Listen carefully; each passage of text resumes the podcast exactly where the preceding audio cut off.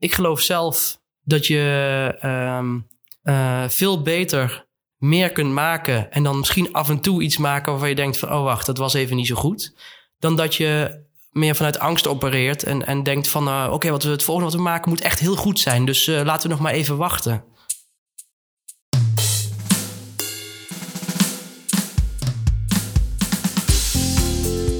Hey, superleuk dat je luistert. Dit is de Creatiedrift podcast. Mijn naam is Ruben Stelly en in deze podcastserie ga ik elke week in gesprek met een interessante creatief over creativiteit en zijn of haar creatieve leven.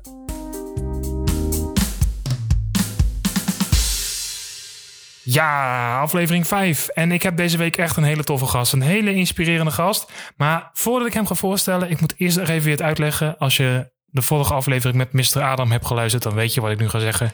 Maar ook bij deze aflevering helaas klonk mijn microfoon als een, ja, ik klonk een beetje als een, als een alien. Nou, dat luistert dus echt bepaald niet prettig. Um, dus daardoor heb ik ervoor gekozen om bepaalde stukken van het interview, want het zat gelukkig niet in het hele interview. Bepaalde stukken heb ik opnieuw ingesproken. En dus mocht je denken, het klinkt een beetje gek, dan komt het daardoor. De microfoon van mijn gast was gelukkig top. Dus uh, dan weet je het in ieder geval. En dan nu ga ik aan jullie voorstellen Gijs van den Berg, creative director bij reclamebureau Kessels Kramer. Het reclamebureau wat reclame maakt voor mensen die niet van reclame houden. Zo noemen ze zichzelf. Mocht je hun werk nog niet kennen, ga even naar kesselskramer.com. Daar kun je het werk allemaal bekijken. Uh, ik vind het ontzettend tof. Het is uh, tegendraads vaak. Uh, met hele originele insteken en ook heel veel humor. Dus ga het zeker even bekijken. Mijn gast van vandaag is dus creative director bij Kessels Kramer, maar daarnaast ook mede-eigenaar van dit bureau, dus partner.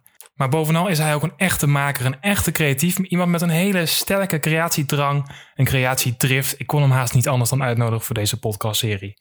Naast werk en opdracht doet hij ook eigen projecten, eigen vrije projecten, autonome projecten eigenlijk. Dat zijn voornamelijk fotografieprojecten, maar hij is heel veelzijdig en doet veel verschillende dingen. En ja, ik heb, uh, ik heb bewondering voor hem en voor zijn werk. En het is bovenal ook een hele toffe gast. Dus ja, ga er even goed voor zitten. Het is de langste aflevering tot nu toe, maar meer dan de moeite waard. Het is heel tof om naar Gijs' verhaal te luisteren. Dus uh, ja, Gijs, kom er maar in. Nou, het leader start in. Creatie, drift, drift, drift, drift, drift. Dankjewel Gijs, die plak ik eronder en dan staat het nog in. Dat je die promotiecampagne al. Ja, zeker. Hey uh, Gijs, super tof dat wij hier kunnen zijn. Of ik, dat ik hier kan zijn. Met ja, leuk. Dankjewel voor de uitnodiging. Ja. Nou, graag gedaan. Allereerst, ik, wil, ik, zit, ik zit met een brandende vraag. Wie is Cynthia? Cynthia, Cynthia is mijn assistente. Oh, echt? Ja. Zij, zij, serieus? Ja, zij, be zij beantwoordt oh. mijn uh, e-mails. Ja. Ah, oké. Okay. Ik dacht van, ja. dat is voor de grap. Jouw e-mailadres is namelijk cynthia.gijsvandenberg.nl. Ja, ja, ja, Dus ik dacht... Uh, nee. Dus zij is mijn buffer, zeg maar. Van, dat, dan, het is een soort van... Uh, ik zie het ook een beetje als een firewall, zeg maar. Als een firewall? Ja. Zeg maar, oh, het, zij houdt alles tegen nou ja, wat niet... Kijk, of, of Cynthia nou... Uh, uit ene en nullen bestaat of uit vlees en bloed. Mm -hmm. Het maakt niet uit. Maar zij is in ieder geval een soort van natuurlijke barrière tussen mij en de buitenwereld. Oh, dus wat, alles wat naar jou toe komt, dat is al gefilterd als het ware. Nou, in principe komt het bij Cynthia terecht. Ja. En Cynthia bepaalt in principe welke informatie doorgegeven wordt en welke niet. Dus uh, deze, deze podcast-uitnodiging die kwam er doorheen. Ja, dus, zeker weten. Ja, absoluut. Hey, Gijs, we gaan het hebben over jouw creatieve leven. Ja. Laten we vooraan beginnen. Wat maakte jij als kind? als kind? Ja, nou, dat is een heel goed verhaal. Want ik ben echt opgegroeid in het meest saaie dorp uh, van Nederland, denk ik. Ik kom uit uh, uh, Noordoost-Brabant. Mm -hmm. Een dorpje dat heet Vierlingsbeek. En in Vierlingsbeek wonen... Vierlingsbeek. Vierlingsbeek. Vierlingsbeek. Ja, het ligt net onder Boksmeer. Dat is iets bekender. Maar Vierlingsbeek heeft had 3000 inwoners, nu 2999. Want ik ben de enige die, die weg is gegaan. en het is heel, ja, het is, het is gewoon echt een Brabants dorpje waar toen ik daar woonde, toen was er geen kabeltelevisie. Toen was er geen, uh, ja, ik was de enige met een skateboard in het dorp. ja, het is gewoon een heel kleine wereld. En dus eigenlijk mijn, daar is eigenlijk mijn fantasie begonnen. Dus door het gebrek aan MTV, door het gebrek aan bijzondere activiteiten, ben ik eigenlijk gewoon genoodzaakt geweest om altijd zelf dingen te maken. En eh, Ja. Vanuit de saaiheid daar, vanuit de... ja, Er was niks. Ja, er was niks, maar, maar er kon ook wel alles. Want eh, ik woon in een bosrijke omgeving en dan kon ik gewoon een, eh, met vrienden een hut bouwen van een meter diep. Eh, Ik kon een boomhut bouwen. Ik kon eh, eh, het veld opgaan. Ik kon mais jatten van de boer. Ik kon, eh, in principe was alles mogelijk. Ja, alles was wel mogelijk. maar- Ja, precies. Maar, maar je bent wel echt afhankelijk van je eigen eh, i- eh, inbeeldingsvermogen. Mhm. En En wat maakte je allemaal? Je bouwde hutten, zei je? Ja. Ook eh, andere creatieve uitingen? Of, eh, dingen? nou ja, ik, ik maakte muziek bijvoorbeeld. Ik eh, was op best wel jonge leeftijd bezig met gitaar spelen. En eh, ik had ook een heel uitgesproken muzieksmaak. En eigenlijk is dat de enige muziek die ik nu nog steeds luister. Dat is eigenlijk eh, eh, skatepunk. Dus hele snelle eh Mhm. punkrockmuziek. Mhm. Toen al, toen had je die eh, liefde voor Ja, ja, ja. Dat, dat is vanaf een leeftijd 10, 11 ongeveer. Hè. Dus daarvoor was het gewoon wat meer eh, mainstream. Maar Ja, Ehm, maar dat ben ik dus ook zelf gaan maken, die muziek, omdat dat vooral mijn referentiekader was. Mhm. En maar je kwam er dus wel mee in aanraking op een of andere manier. Was Ja. het door het internet of door een vriendje die zei van... hé, luister hier eens naar. nou ja, het was ook, eh, ik werd, toen mijn ouders gingen, we, toen ik eh, een jaar of 10, 11 was, ging ik op reis naar Australië. En omdat er familie woonde. En Mhm.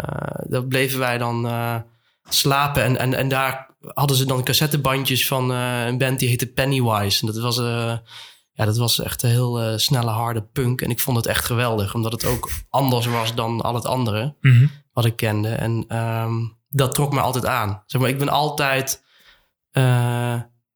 ik heb mezelf altijd aangetrokken gevoeld tot het alternatief. Dus, dus het is niet zo van dat Dus de niet, main, de niet mainstream? Of? alles wat niet mainstream is, vond ik eh, geweldig. dus, dus eh, eigenlijk als iedereen eh, op voetbal zat, dan ja, bijvoorbeeld iedereen zat op voetbal in het dorp. En ik ben toen gaan lange baan schaatsen.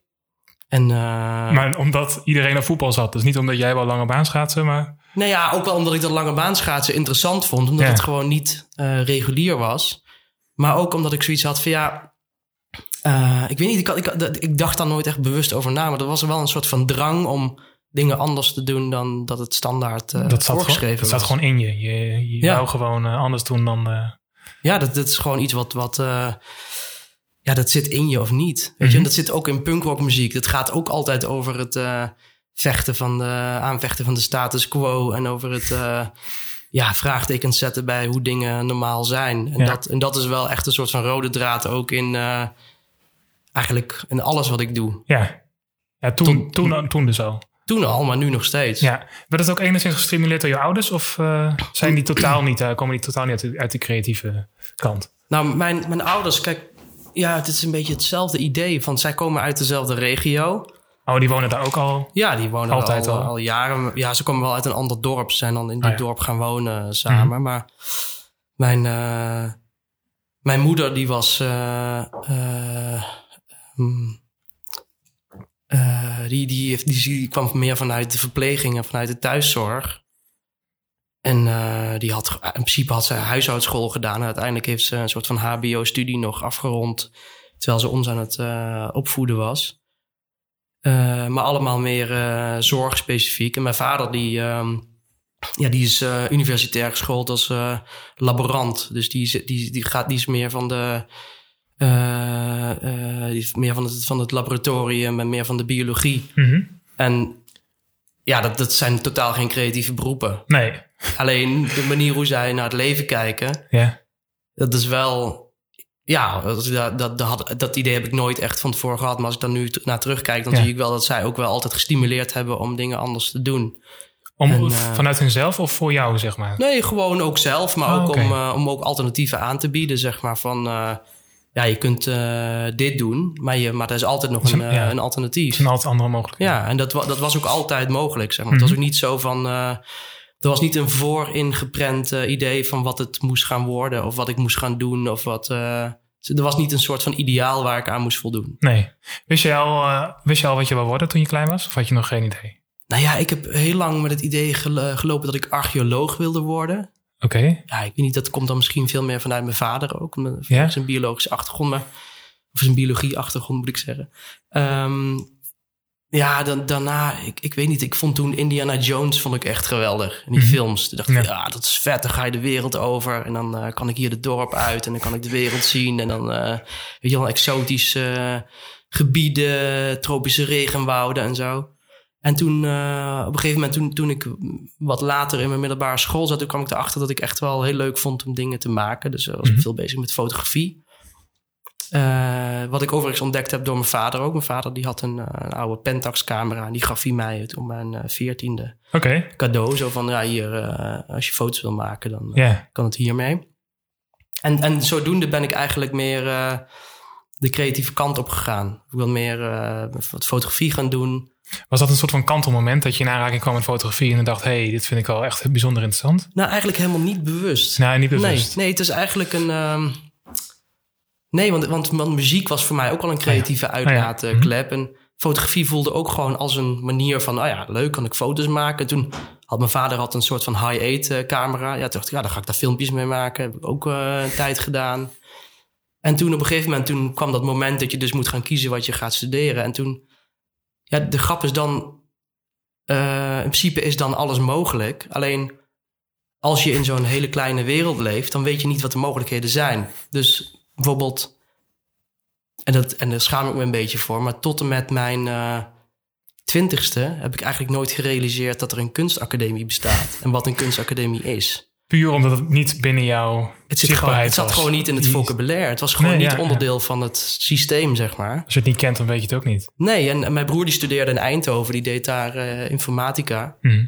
En op diezelfde school hadden ze de, een eh, beetje een creatieve studie, dat was communicatie. En ehm, ja, ik was daar een open dag geweest en toen lieten ze zien van ja, je maakt, je maakt hier een eh, filmpje en je maakt hier een eh, krant met Quark Express. En toen dacht ik van ja, dat vind ik wel eh, vet, weet je. Dan ga je dingen maken, leuk. Ja, ja, ja. Dus toen heb ik me daarvoor aangemeld voor die opleiding. Ook omdat het meer de meest creatieve opleiding was die ik, eh, die ik tegenkwam. ja. Maar uiteindelijk bleek dat dus gewoon een HAO-school te zijn. Waarbij Een- een je- HAO-school? Ja, hogere economisch eh, ah, zo. Ja. onderwijs.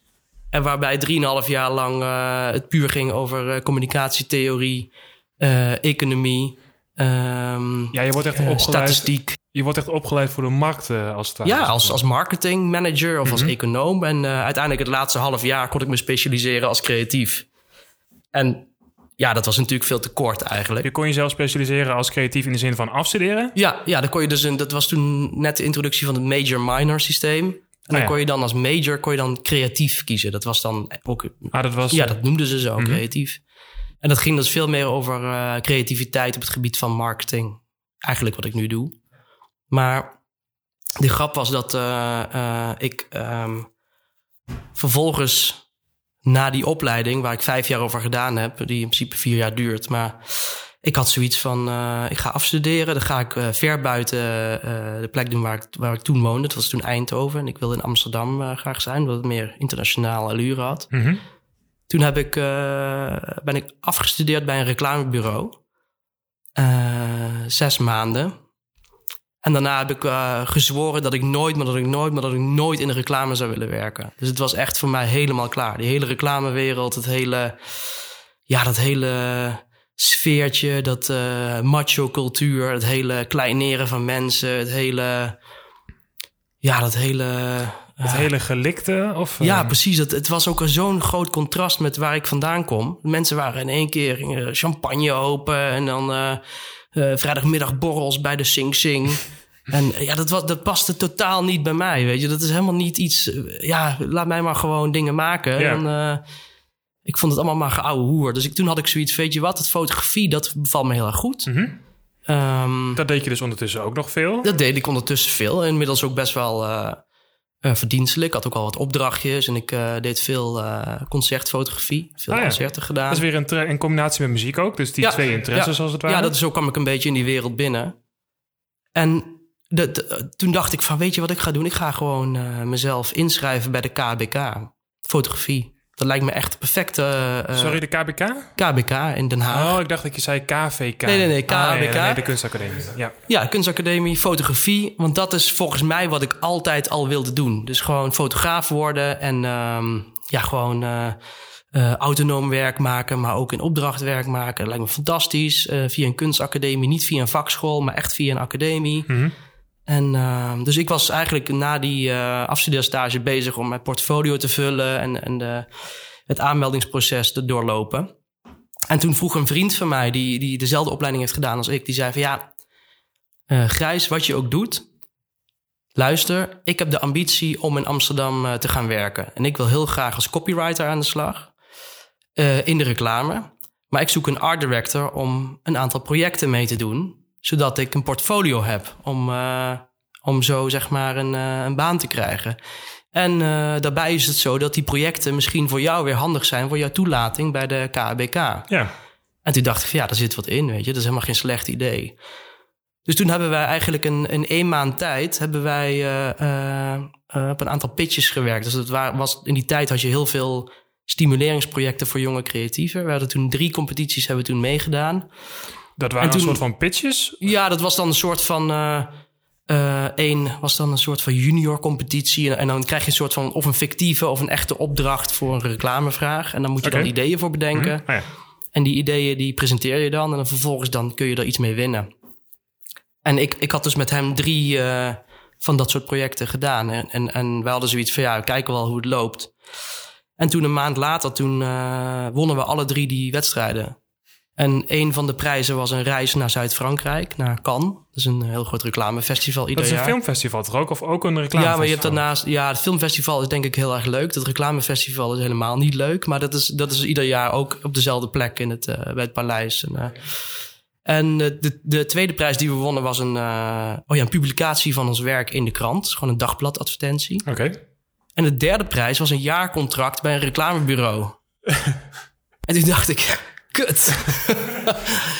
Zit ik weer, weet je wel. Ja, dan gaat mijn studie. En toen, uh, en toen heb ik dus uh, ja, veel overlegd met, uh, met die vriend van mij. Niek is dat overigens. Niek IJsbouts. Nog steeds een hele goede vriend. En, okay.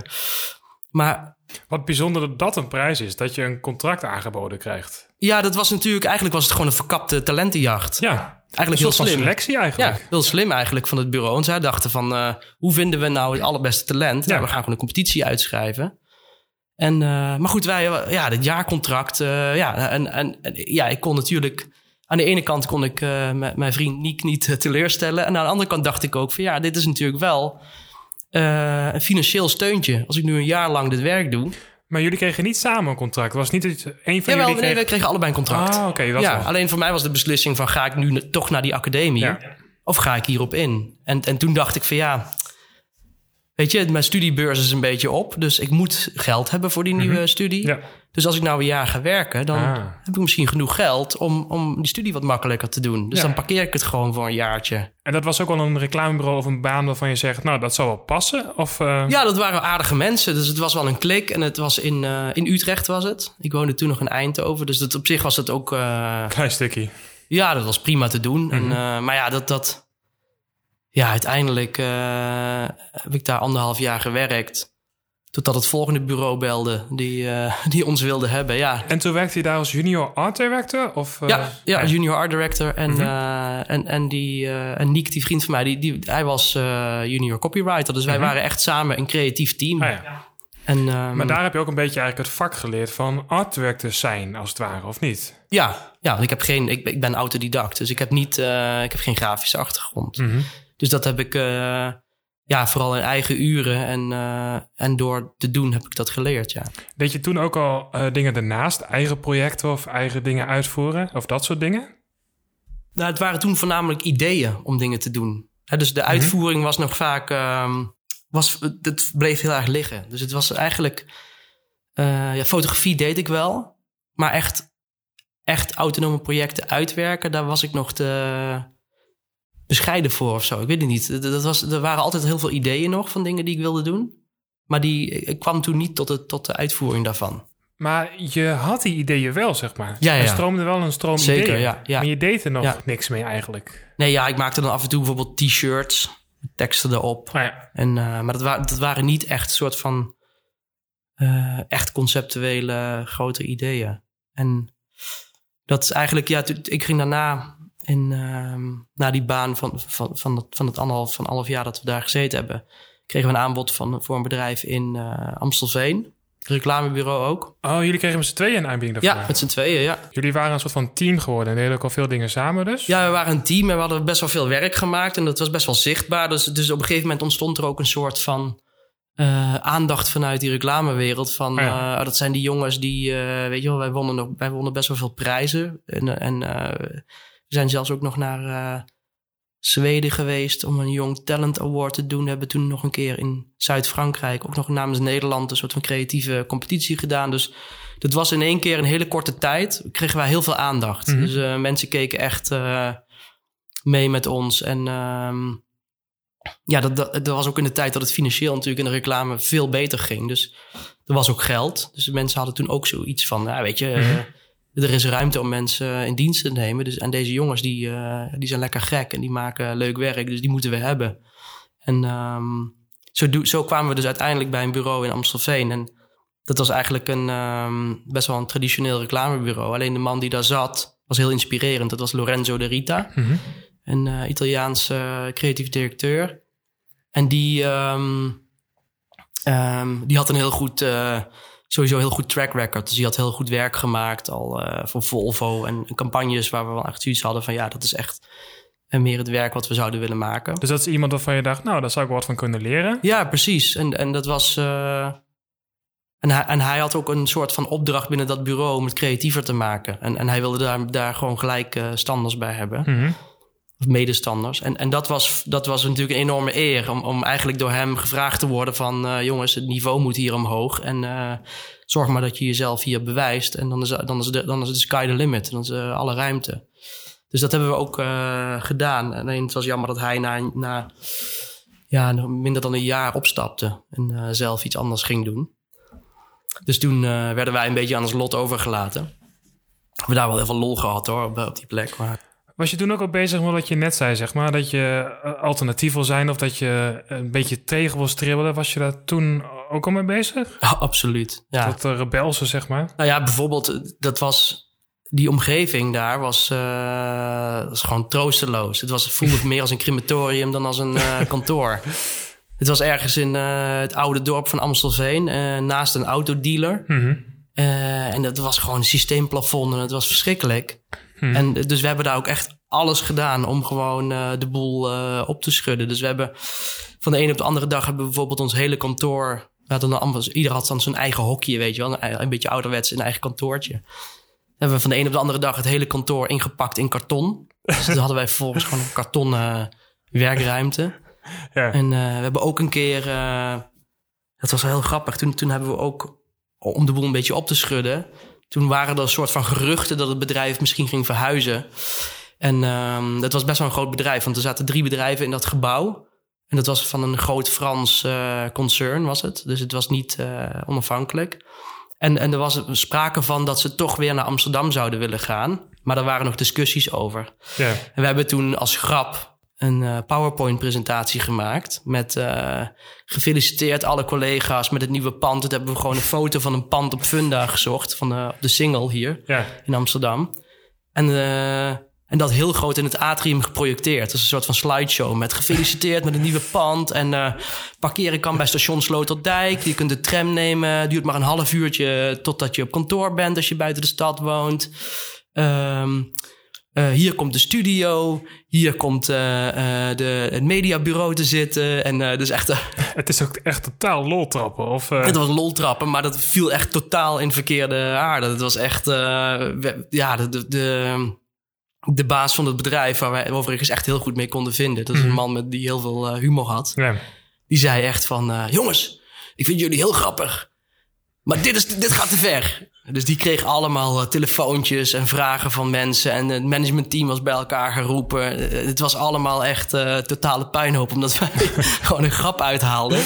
En mensen die buiten Amsterdam woonden, die raakten gewoon helemaal in paniek. Die hadden zoiets van, ja, ik moet een andere baan gaan zoeken. Want ik ga echt niet mijn auto bij Sloterdijk parkeren. En, Was het een groot bedrijf? Of, ja, er werkte denk ik wel in totaal iets van 80, 90 man of zo.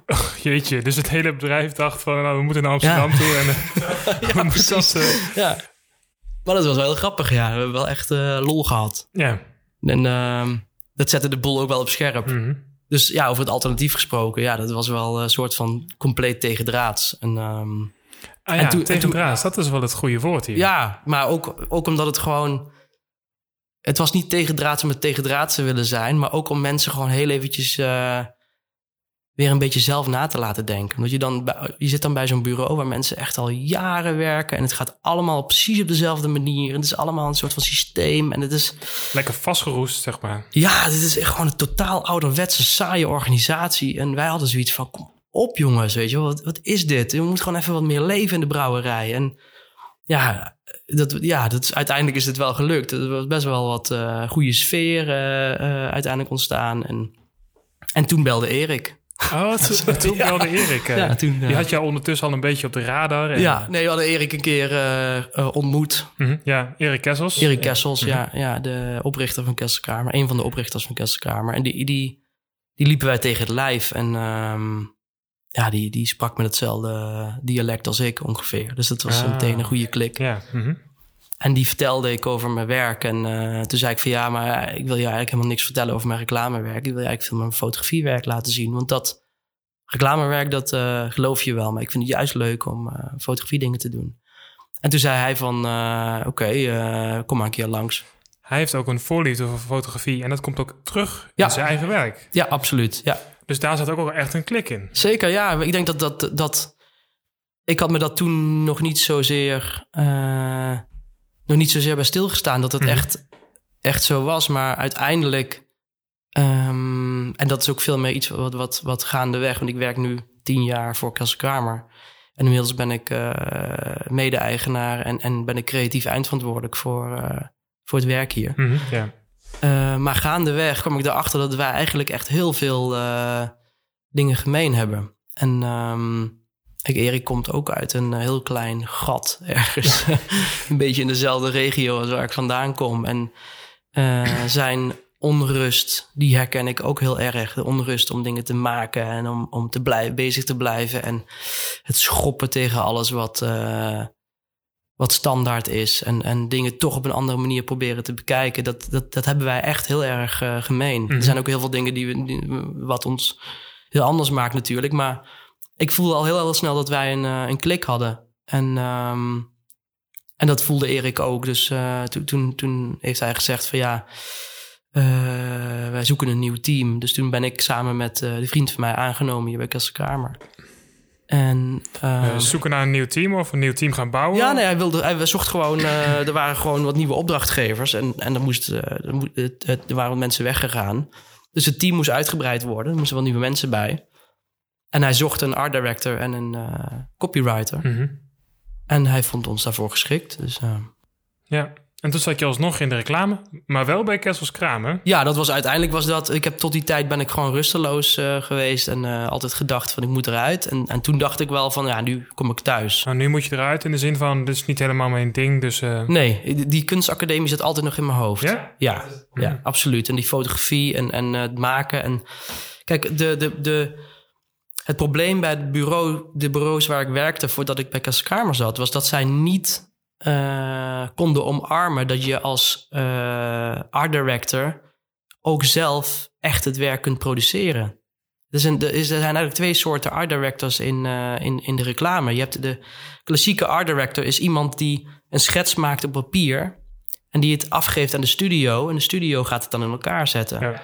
Of eh, een, een tekening met een moodboard en het wordt aan een fotograaf gegeven. Ja, er zitten dus allemaal ideetjes te spuien en dan, eh, nou ja, dan zeggen ze, maak zoiets en dan gooi je het over de schutting. Ja, zij, zij, dat zijn echt mensen die. Ja, het het zit ook in de naam art direction. Dus het is Oh ja. eigenlijk het begeleiden van, eh, van, van, het, van het artwork. Ja. Veel meer dan dat het, dat het in, in het maken zit. En bij Kasselskamer kwam ik er al heel snel achter dat eigenlijk iedereen die art director is bij Kasselskamer is ook in ieder geval een grafisch ontwerper. Want eh, posters, eh, logo's, alles wordt hier gewoon door de art directors gemaakt. Er is geen studio, er is geen grafisch ontwerper. Het is eh, de verantwoordelijkheid van de art director om het, om het te maken. Het is, het is best wel een groot bedrijf geworden, Kessels Kramer. Eh, hoeveel man werken er nu? Nou, het, het is eigenlijk best wel klein. Dat het is wel nu klein. der- Ik, ik heb wel het gevoel van Kessels Kramer, die maakt, oh, jullie maken ongelooflijk veel werk. Wij maken heel veel werk. Ja, dat is ook onze focus. We willen ook heel veel werk maken. Maar wij zijn eh, nu denk ik met eh 30 man in Amsterdam. Mhm. En we hebben 10 man in Londen. En één persoon in Los Angeles. Oh ja. Oké, en iedereen die hier in Amsterdam werkt, zeg maar. Ik bedoel, jij bent de creative director. Is de rest dan voornamelijk art director? Of hoe moet ik dat zien? Nee, wij werken echt... eh, we hebben een creatieve afdeling. Mhm. En de creatieve afdeling bestaat uit eh, tekstschrijvers, dus copywriters... en art directors. Dus, eh, Ah ja, oké. En Dus, dus dat is het dan. Ja, Iedereen produceert echt zijn eigen dingen. Ja, dus we hebben dan in principe... ehm, eh, maken, maken we daar teams van. We hebben nu in principe vier teams, dus acht eh, copywriters, art directors. En dan Rens en ik. Rens is eh mede-creatief directeur copy. Ik ben eh, creatief directeur art. Ah ja. Mhm. En wij vormen dan ook samen een, eh, een team. Dus we zijn met tien creatieven. En verder hebben wij eh, mensen die helpen met productie, dus en producers. En strategen. Dus het zijn mensen die. Zij gaan veel meer in op eh, de briefing, veel meer in op het klantcontact en op lange termijn visie. En, eh, en zij bemoeien zich ook veel meer met de mediaplaatsing bijvoorbeeld. Ah ja, dat soort dingen. Dus dat is veel meer eigenlijk alles los van het creatieve werk wat gaat helpen om zeg maar de, eh, de boodschap eh, te vertellen. Hun zorgen dus ook voor een betere briefing voor de creatieven. Kan ik dat dan zo Ja. zien? Of, Ja, zij, zij gaan in gesprek en zij zorgen ervoor dat, dat zo'n klant al een beetje van tevoren al eh, gevormd wordt. Hè? Dus dat Oh je ja, niet. eh, Alvast een beetje gekneed ja, wordt, zeg maar. ja, en zij zetten. Het, vaak is het ook zo dat zo'n zo'n strateeg de ene keer meer, de andere keer minder.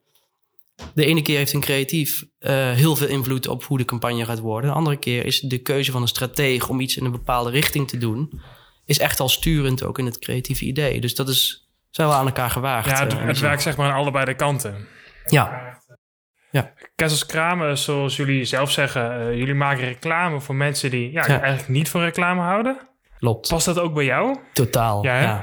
Je zei zo straks ook al van, eh, ja, dat je zelf ook niet van reclame houdt, zeg maar. Nee, maar ik, ja, reclame is ook... Wie zit er op reclame te wachten?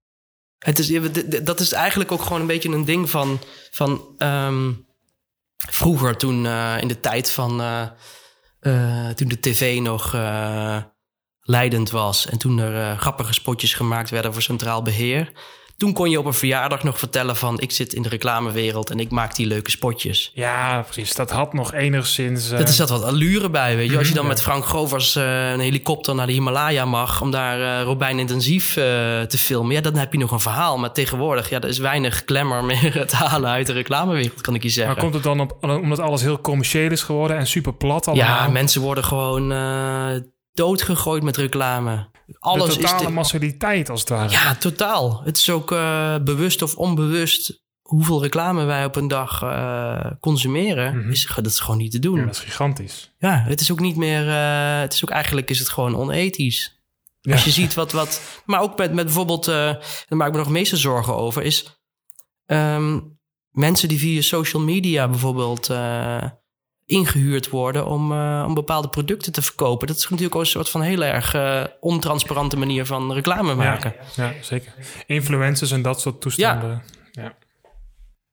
Maar jij maakt wel reclame. Of eh, Ik maak jullie wel maken reclame, wel maar- reclame, zeg maar. Maar dan, maar dan wel op jullie manier. Ja, ja, zeker. Ja, kijk, ik denk dat het wel.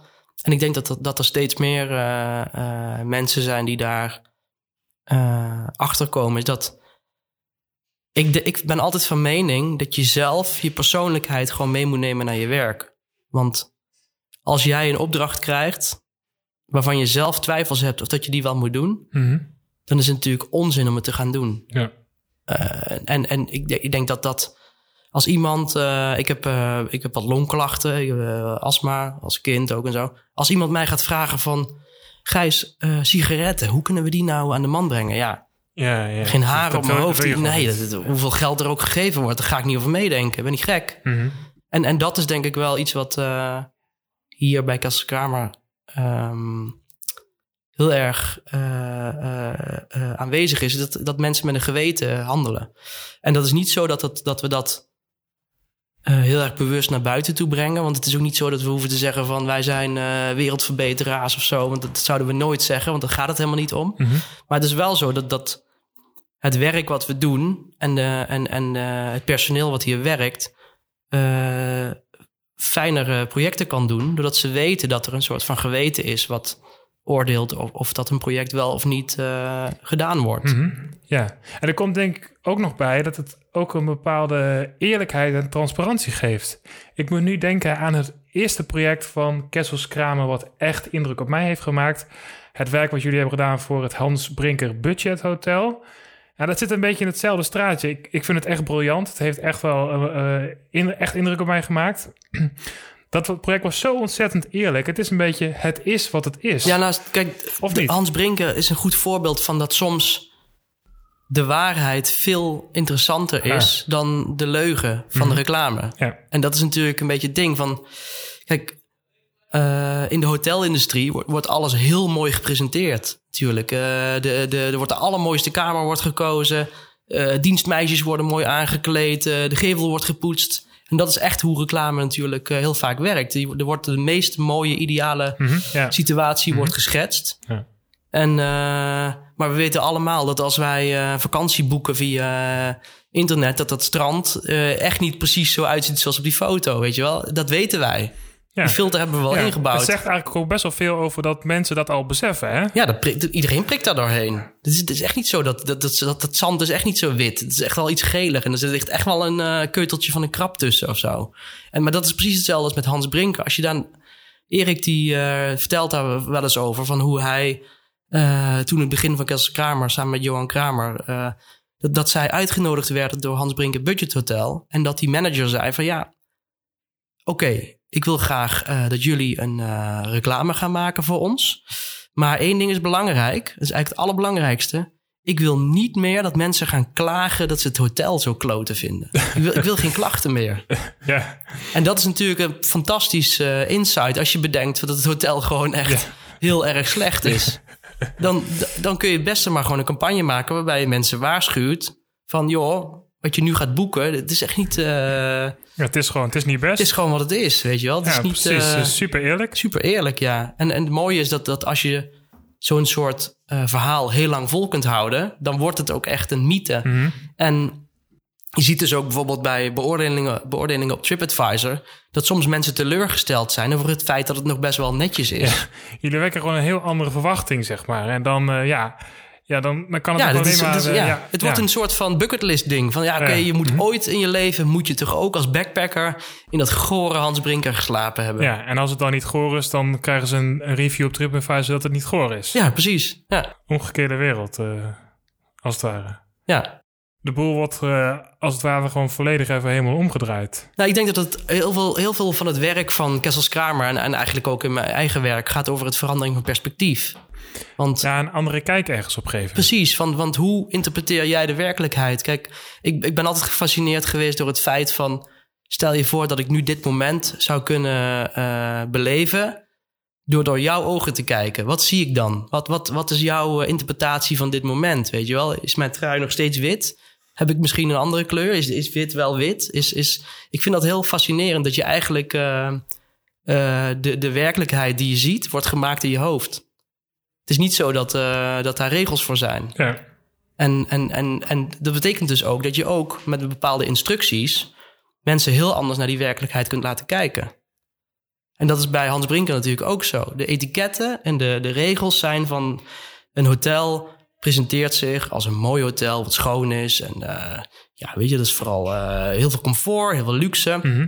Maar als je vervolgens mensen instructie geeft van wacht eens even, dit hotel is anders, dan ga je er anders naar kijken en dan kun je er ook nooit meer eh, van afwijken. Want doordat je die informatie hebt gekregen, zul je iedere keer als je naar een hotel kijkt op een andere manier naar kijken. Is dat nou een soort van terugkerend thema in zowel jouw persoonlijke werk als het werk voor Kessels Kramer? Om mensen een andere kijk om iets, op iets te geven. Om te laten zien van, ja, eh, wacht eens even, je kan ook heel anders naar iets kijken. Ik vind het echt eh, het meest dankbare wat, eh, wat je kunt doen, is, is mensen inderdaad de blik op de werkelijkheid laten veranderen. Ik heb bijvoorbeeld een boek gemaakt in 2016 samen met Jan Dirk van den Burg, fotograaf. Mhm. En daarbij hebben we eigenlijk het groen op straat gefotografeerd bij mensen in de tuin. Oh ja, ja, oh, ja die heggen. Die de heggen, inderdaad. Ja, en dat gaat heel erg over eh, hoe mensen op een soort van anale manier bezig zijn om precies hun brievenbus uit hun heg te laten steken, maar toch de natuur intact te laten. En, en daar hebben we een hele serie voor gemaakt. En dat zijn dingen dat, dat, hebben, dat wij als, als Nederlanders collectief zijn dat normaal gaan vinden dat dat zo is.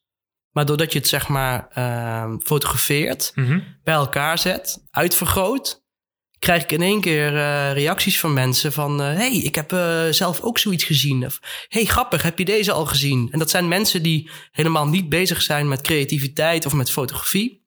Het zijn gewoon bij wijze van spreken gewoon mijn buurman. Die, die in één keer heel anders naar de werkelijkheid kijkt. Dat vind ik het mooiste compliment wat er is. Ja, dus dat jij dat zeg maar laat zien en dat mensen het dan zelf ook uh, gaan zien overal. Ja, kijk, het is natuurlijk. Uh, het moet dan ook wel de nodige aandacht krijgen. Dus ja, het is ook wel ja. zo dat je dat, je dat moet, uh, moet laten zien. Ze moeten er ontvankelijk voor zijn. Mm -hmm. Maar ja, precies. Doordat je dus een aantal voorbeelden hebt gegeven van hoe het ook anders kan, krijg je in één keer een hele andere, heel ander gesprek. Ja, ja.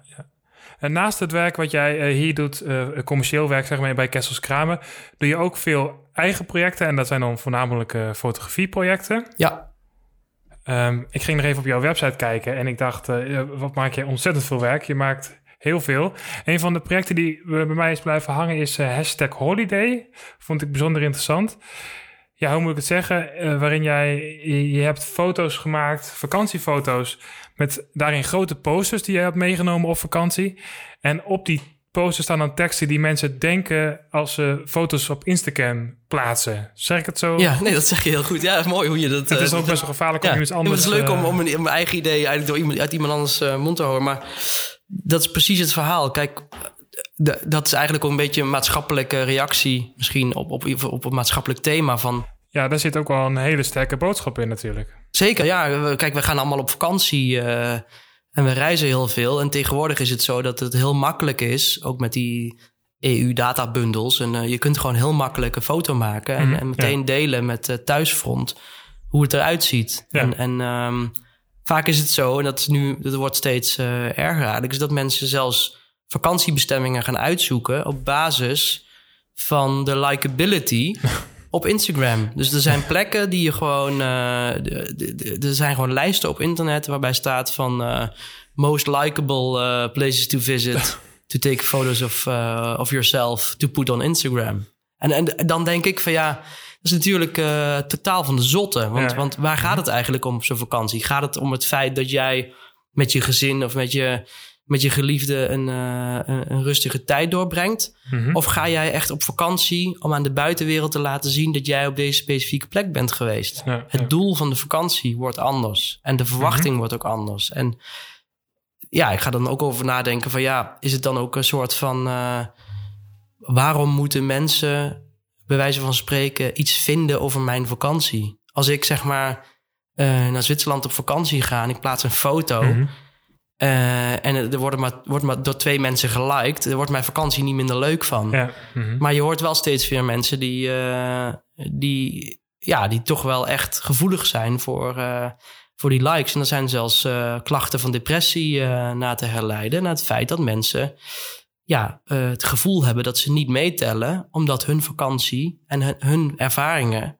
Ik gooi het nu natuurlijk op, op vakantie omdat mijn project erover ging. Maar het gaat natuurlijk ja. om veel meer onderwerpen. Maar ze hebben het gevoel dat hun leven niet zo rijk is, omdat de wereld die zij zien op Instagram uh, veel, veel rijker is. Ja, dus ze spiegelen hun eigen wereld aan de wereld op Instagram. Precies. En dan willen ze dat dus eigenlijk ook. Ja, en er zit eigenlijk een. Uh, het is een beetje hetzelfde als, uh, als film en televisie. Hè, dus vroeger was het natuurlijk ook zo. Dan zag je iets op televisie en dacht je van ja, dit is geweldig, dit is mooi. Maar er zat een heel duidelijk uh, uh, lijn tussen. Je zag gewoon een kastje in de kamer staan en er werd iets op geprojecteerd. En je wist al voordat je de televisie aanzette Mhm. dat het een geregisseerde werkelijkheid was. En het probleem met Instagram is en met social media is dat niet meer duidelijk is wat geregisseerd is en wat echt daadwerkelijk documentair is. Er, er is geen lijn meer tussen te trekken. En dat maakt het gewoon heel moeilijk. En, en het project dat ik gedaan heb, dat heet hashtag holiday, omdat ik dus uh, bij wijze van spreken, bij theater noemen ze dat altijd de fourth uh, wall. Dus dat is zeg maar de... Oh ja, de, de vierde muren. Zeg de vierde muur is een beetje bij House of Cards bijvoorbeeld. Als uh. Kevin Spacey, mag die naam nog noemen? Ik noem hem toch. Uh, als Kevin Spacey in de camera kijkt en tegen de toeschouwer iets gaat vertellen, dan breekt hij eigenlijk de vierde muur, dus de vierde dimensie. Ah, ja, ja, ja precies. De, want dan precies, in één keer ja, word je ervan ja. bewust van, wacht even, wacht even, ik ben aan het kijken naar een, uh, naar een acteur die wat tegen mij vertelt. Ja, precies. En dat wilde ik doen met deze fotoserie ook door op posters heel groot te zeggen van bijvoorbeeld één, één foto eh, laat mijn vriendin zien in een heel mooi berglandschap. En ze heeft een poster vast en, en er staat op... This view is worth a thousand likes. Om maar even aan te geven dat... Kijk, voor mij was dat moment daar fantastisch en heel erg mooi. Maar als je er vanuit een Instagram-gedachte over nadenkt... dan ga je nadenken van oké, hoeveel uh, likes gaat dit beeld mij opleveren? Is het uh, populair genoeg? En ik heb één foto gemaakt uh, waarbij je een mooie zonsondergang ziet. En er staat een heel groot op een poster: Enjoy my holiday. Dat is in feite natuurlijk wat je doet. Je, je bent eigenlijk gewoon mensen aan het uh, uh, mee laten genieten met jouw vakantie. En ja, dat is natuurlijk eigenlijk van de zotte. Ja, nee, zeker. Het, het levert jou wel, jou wel weer een heel mooi uh, project op. Uh, ja, ik, ik, vind het fantastisch om daarop te reageren natuurlijk. Ja. Het is ook wel, uh, is het ook wel een boodschap en het is wel best wel geëngageerd eigenlijk. Dus je, je, ja. wilt er ook wel, je wilt er ook wel iets bij bereiken, denk ik. Ja, en ik denk dat het ook... Um, Kijk, het bereik uiteindelijk, ja, ik, het, ik zal er echt niet heel veel uh, mensen mee wakker geschud hebben of zo. Maar dat Vrij Nederland bijvoorbeeld dat, dat artikel wil publiceren, en dat vind ik alweer uh, hartstikke mm. leuk. En, ja. en dat, dan, dan voelt dat weer als een soort van, heb ik weer een voldaan gevoel. Bovendien is het zo dat ik, en dat is ook een soort van rode draad, ik kan ook niet stilzitten. Dus nee. als, ook als ik op vakantie ga, dan moet ik gewoon werk maken. Ja, ja. Het, het, het ontstaat daaruit uiteindelijk niet van ik zie iets gebeuren en dan moet ik iets meer mee. Maar het is meer van ik wil wat maken. Ik wil iets creëren. Ja. En dan wordt dit het onderwerp en dan vind Absoluut. je uiteindelijk je weg Ja. daarin, zeg maar. Ja, het is eigenlijk ook niet zozeer dat ik dat echt. ehm, ik ben er niet echt naar op zoek. Ik heb gewoon een soort van drang om iets te maken. En dan in één keer krijg ik een ingeving en dan ga ik het gewoon doen.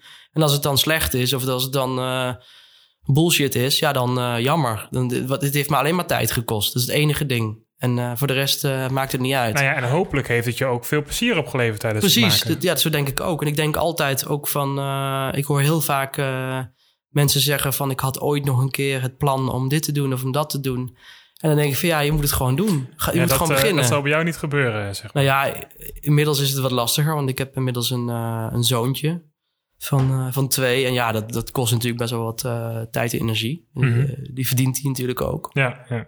Dus het is, ik ben wat minder flexibel daarin. En ook eh, de vakanties zijn natuurlijk iets anders eh, geworden. Maar toch probeer ik wel echt... eh, ja, die drang, die, dat is niet te stillen. Het is, het is meer een soort van drang om, om dingen te willen maken. En dat is eigenlijk ook wat met Kasselskamer eh gaande is.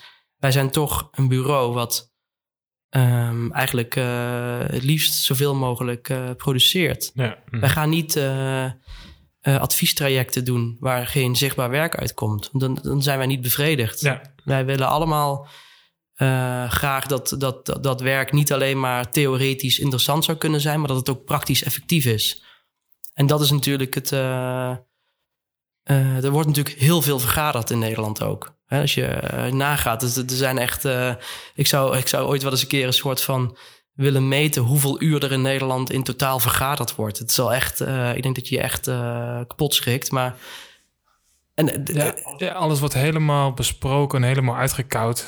ja, het is gewoon, het is een soort van die tijd dat je met elkaar in een meetingruimte zit om te overleggen, om te brainstormen, om weet ik veel. Ja, dat- het is allemaal tijd en geld die je gewoon had kunnen steken in het maken van, eh, van mooi werk. Mhm. En dan, ik geloof zelf dat je ehm, eh, veel beter meer kunt maken. En dan misschien af en toe iets maken waarvan je denkt van, oh wacht, dat was even niet zo goed. Dan dat je meer vanuit angst opereert en, en denkt van, eh, oké, wat we het volgende wat we maken moet echt heel goed zijn. Dus laten we nog maar even wachten. Ik denk dat ook heel vaak eh, zo is dat, dat als je zo op die manier zeg maar te werk gaat, dan wordt het werk ook een beetje plat eh beredeneerd. Dus dan krijg je uiteindelijk ook veel minder spannend werk. Omdat vaak als je dingen gaat maken, eh, er lagen toegevoegd worden in het maakproces. Of stappen genomen worden in het maakproces die het werk eh, interessanter maken. Ja, precies. Dus het is niet van tevoren helemaal uitgedacht, Nee. maar meer aldoende eh, kom je erachter hoe je het eh je, ont- je ontkomt er niet aan om soms, en voor sommige opdrachtgevers is het echt noodzakelijk om dingen van tevoren helemaal helder te hebben. Dat is nou eenmaal gewoon inherent aan de tijd wa- waarin we leven. Maar de beste projecten zijn toch echte projecten waarbij je de ruimte krijgt om iets te gaan maken en waarbij op een organische manier een soort van kwaliteit toegevoegd wordt, waardoor het eh, ja, eh, niet voorspelbaar wordt, spannender wordt, een nieuwe dimensie krijgt. Ik denk dat je ook eh, die ruimte moet hebben om soms in een maakproces af te wijken van hetgeen wat je, wat je hebt neergelegd. Omdat het misschien beter is. Ja, omdat ook uiteindelijk um, alles wat je maakt, het beste werk kan je niet in één keer zo op papier zetten.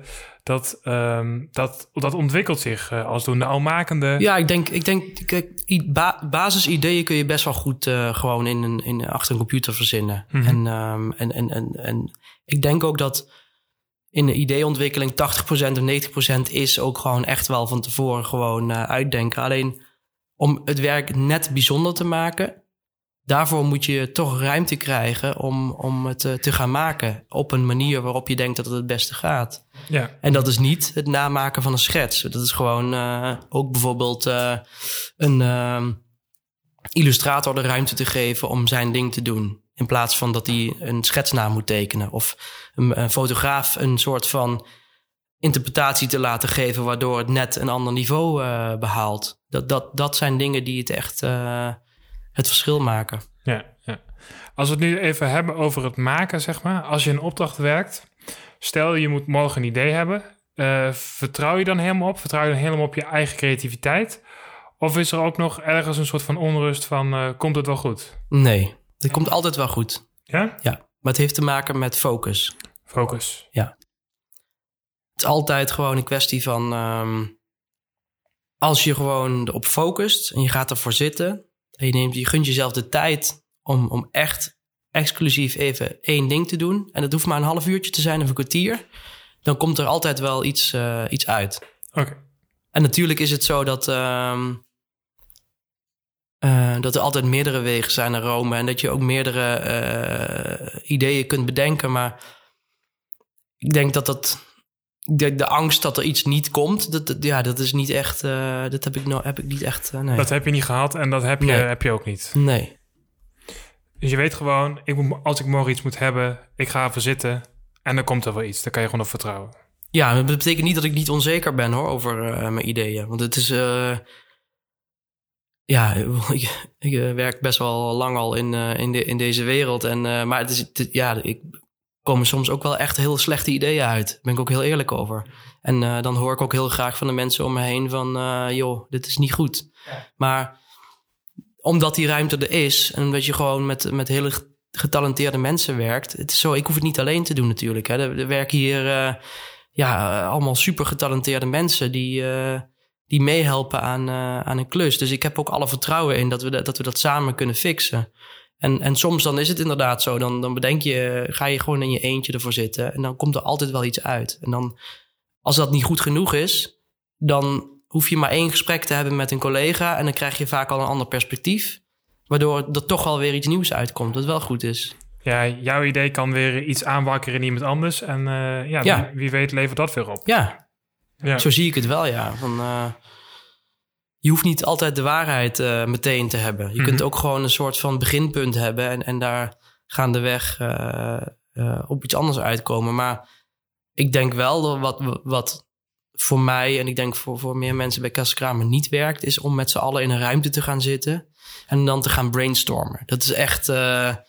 Voor onze soort creativiteit is dat funest. Is dat überhaupt niet een slecht idee eh, voor creativiteit, brainstormen? Ja, ik, ik, persoonlijk vind ik van wel. Kijk, er zijn mensen die daarbij zweren. En, en, uh, en ik vind dat knap. Ik, ik kan het ook niet. Ik kan ook niet mijn, uh, mijn mond houden. Ik kan ook niet mijn oordeel uh, voor me houden. Ik, ik ben daar ook gewoon niet de juiste persoon voor. Ja. Ik heb daar toch gewoon te veel... Ja, jij bent meer van... ik ga er even voor zitten en ik ga even wat proberen. En als ik wat heb, dan ga ik even naar een collega toe en dan hebben we het toch... Ja, of, of ik leg gewoon de hele... Dat is eigenlijk nog veel beter. Is gewoon dat, dat je kijkt naar wat de opdracht is.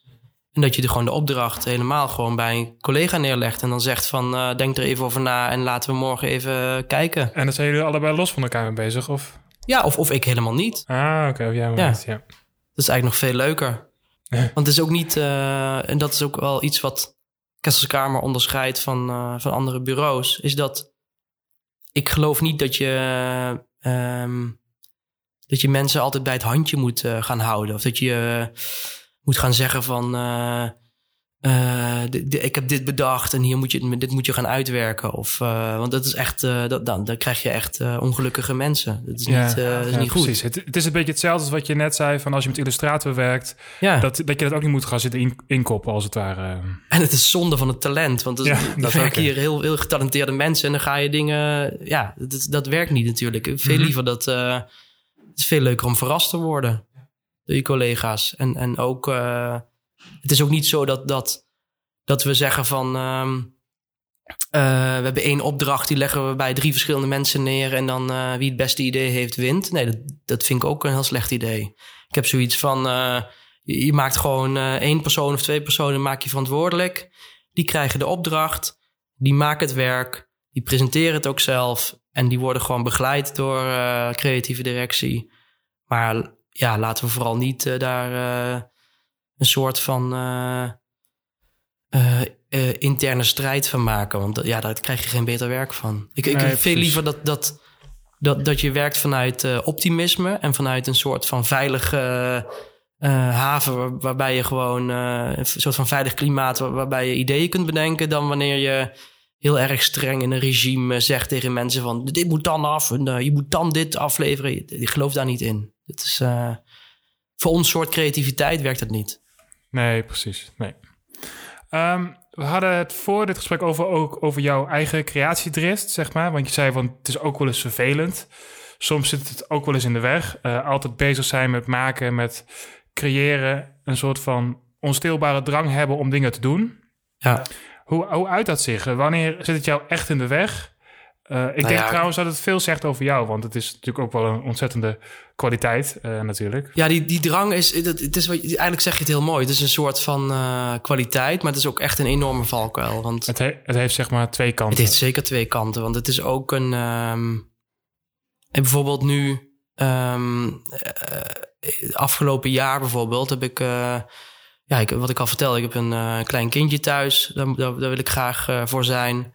Um, ik ben een uh, uh, vaste onderdeel geworden van Kessels Kamer. Dus ik heb ook echt verantwoordelijkheid over het bureau. En ik wil ervoor zorgen dat iedereen hier uh, fijn werkt, goede werkomgeving heeft. Dat opdrachtgevers tevreden zijn. Dat we goed werken met, met z'n allen naar buiten brengen. En, en ja, dan, dan is er weinig ruimte om echt persoonlijke projecten te doen. Ja. En, en ja, dat, dat, soms dan, ja, dat baal ik enorm van. Ik kan daar heel erg uh, dat kan mijn humeur echt totaal verpesten soms. En dan uh, je zegt van ik kijk op je website en ik zie heel veel werk. Dat is dan wel zo misschien, maar toch, weet je, als ik dan kijk naar 2019, mm -hmm.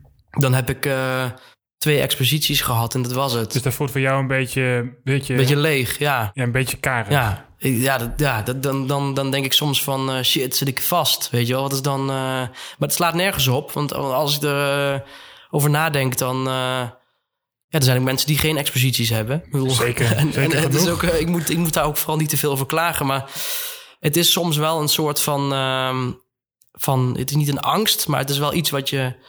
Wat, waarvan je soms in één keer denkt van. Uh, we zijn nu zoveel verder en wat heb ik nou gemaakt en wat had ik willen maken? En ja, dan moet je toch echt je doel bijstellen.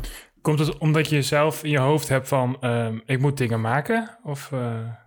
Het is een soort dopamine. Het is hetzelfde als iemand die ah, gaat hardlopen. Mhm. als, je, als je zeg maar.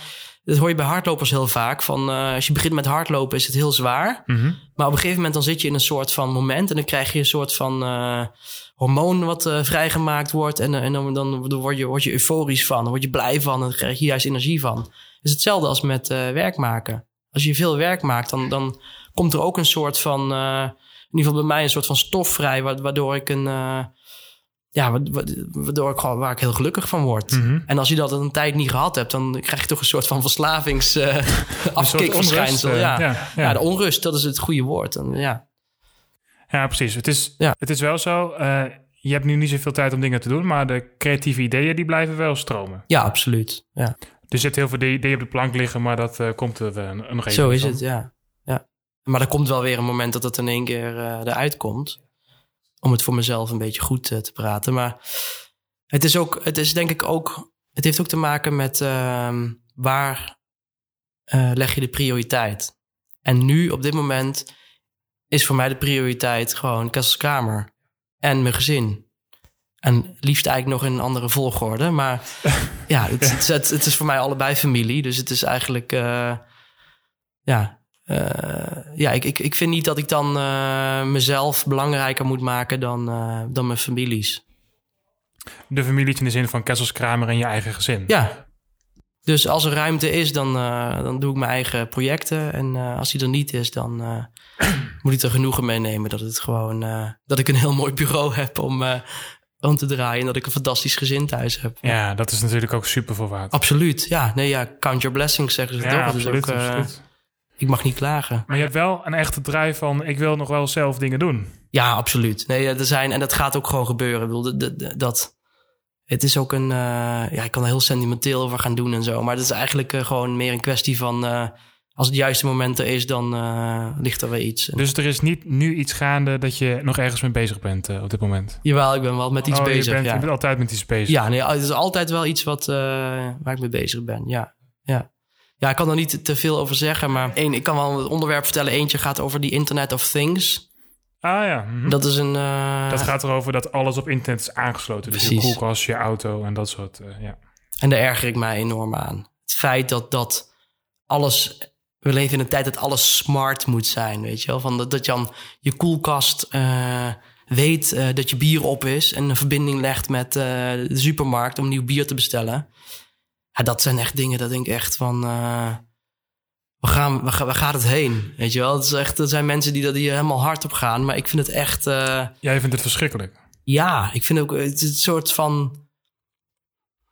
Ja, maken we onszelf als mensen nou echt zo afhankelijk van techniek? Is het nou echt zoveel moeite om even zelf eh, te bedenken dat je bier op is en even naar de supermarkt te gaan? Want we isoleren onszelf gewoon. Je hoeft niet meer naar buiten. Je blijft gewoon lekker binnen en dan komt er een autootje voorrijden.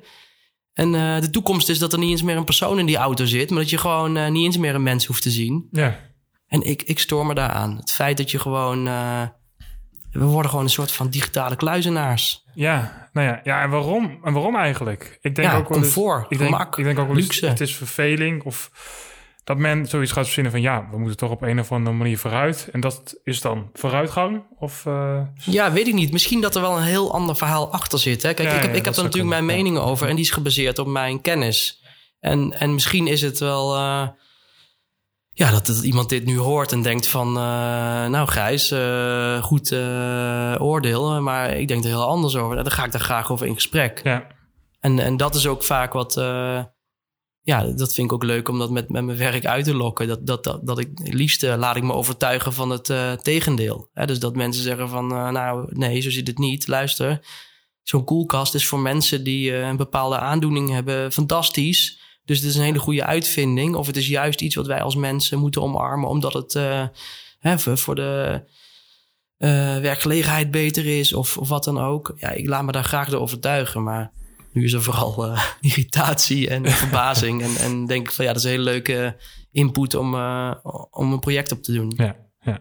In dit geval ontstaat het project eigenlijk een soort van ergernis. Ja. Is dat vaker zo dat, je, dat een project ontstaat uit een ergernis of irritatie en dat je dan... eh, Ja, ja, ik denk het wel. Kijk, soms, soms begint iets vanuit de vorm. Ja, ook wel eens. Ja, Ja? ja. Ja, kijk, bijvoorbeeld... Ik Oh, heb dat, dat project met die heggen bijvoorbeeld. Dat is Nee, ook, ja, precies. Dat is ook een ding. Dat, dat, dat... Maar goed, dat zit natuurlijk ook een maatschappelijk eh, verhaal achter. Maar bijvoorbeeld, het, het, het, eh, ik heb één project dat heet Souvenirs from the Sun.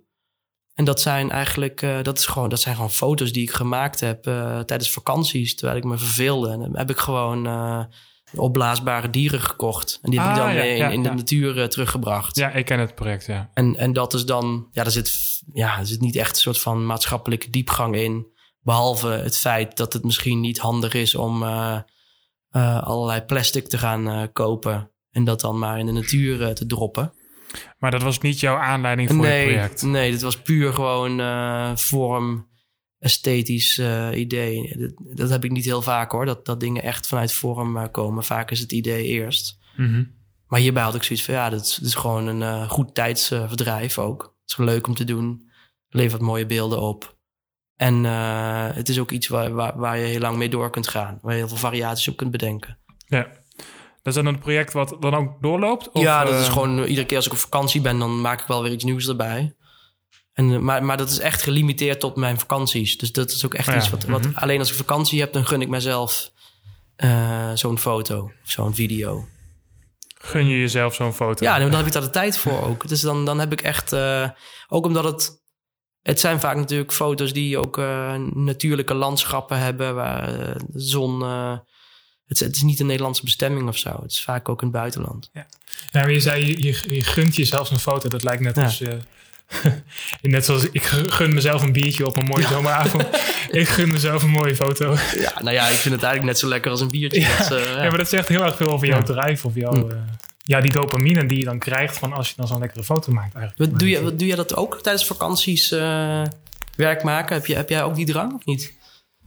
Eh, nou, ik ben vorig jaar heb ik de Trans-Mongolië Express gedaan. Ben ik met mijn vriendin van Nederland naar, eh, naar China gegaan met de trein. En dan heb ik wel de drive van ik wil hier een project mee maken. En uiteindelijk heb ik allemaal houten blokjes meegenomen. Mhm. En heb ik de plaatsnamen van de grote steden waar we zijn geweest, heb ik elke keer op een iconische plek, heb ik daar met blokjes en typografie die plaatsnamen neergelegd. Geweldig. Dus eh, ja, ik heb dat ook wel een beetje. Ja, Eh, maar ik denk ook wel eens van, het kan ook nog wel wat meer uitkomen. Dus, ja maar dit, is, eh, dit is toch een fantastisch project. Ja. Dit is toch heel mooi. en dit, dit is eigenlijk precies ook hoe... het gaat helemaal niet om dat het een uiteindelijk...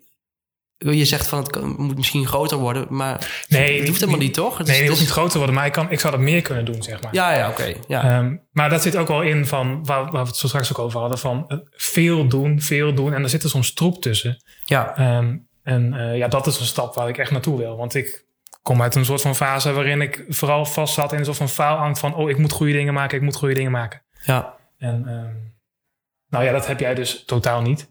Nou, dat, dat heb ik wel gehad. Wel gehad. Ja, het, eigenlijk is dat. eh, want, want sinds ik bij Kasselkamer werk, is dat eigenlijk. eh daarom, dit is heel erg gerelateerd ook eigenlijk grappig aan, aan, aan het bureau waar ik eh, nu zit. Is, is dat toen ik hier kwam werken, eh, werd eigenlijk vanaf dag één gestimuleerd dat eh filmmaken goed was. Mhm. En dat heb ik heel erg eh, persoonlijk genomen. Ja, dat zit dus echt in deze cultuur van, Ja. van het bedrijf. Ja, en, Ja. en dat is ook eh, de ruimte die eh, gecreëerd wordt. Het moet natuurlijk helemaal vanuit jezelf komen. Het is niet zo dat mensen je gaan helpen met eh, het maken van dingen. Maar ik weet nog dat ik ehm, eh, hier binnenkwam in, in 2009 en, en ik had een soort... eh, ik zag de koffiemachine hier en ik dacht, ja, dat is gewoon een beetje gore koffie. Oh ja, ja, ja, ik ken dat filmpje. en, en, en toen dacht ik van ja, dat, daar moet ik iets mee doen. En toen dacht ik van weet je wat, zal ik daar een filmpje mee maken? En ik overlegde dat met een collega en die zei ja, moet je doen. Toen dacht ik ja, oké, ja, nou, als Maar collega dat was het een, van, zegt. was een van de eerste dingen die je hier eh, hebt Ja. gedaan toen. Ja, klopt. Ah, ja. De, de eerste week eigenlijk dat ik hier eh, werkte, maakte ik op vrijdag een, eh, een filmpje over de koffiemachine. En toen dacht ik van ja, hoe leuk is het eigenlijk als je een uurtje zeg maar over hebt om, om, om een filmpje te maken. Dus toen heb ik een format bedacht, dat heette de Castle Kramer Friday film. En het idee was toen dat eigenlijk de creatieven iedere vrijdag een filmpje maakten. Dus dat hebben we ook een hele periode volgehouden. Iedere, iedere creatief één filmpje of Ja, wie, wie er zin had. Hè, dus, eh, vrijblijvend? ja, vrijblijvend en, en net of je een idee hebt of niet. Maar we hadden een soort van format. Dus je had dan ook meteen een reden om het, eh, om het te doen. En eh, ja, er was hier een camera beschikbaar. En ehm, altijd wel mensen die wilden helpen met dingen. Dus ja, dat, dan, dan creëer je een soort van omgeving waar- waarin eh, het gestimuleerd wordt om, om juist iets te maken. Ook al is het misschien eh, heel slecht of misschien eh, achteraf gezien niet zo goed. Er zit altijd wel weer iets bij wat, wat leuk is. Ja, je, je creëert eigenlijk een soort van veilige maakomgeving.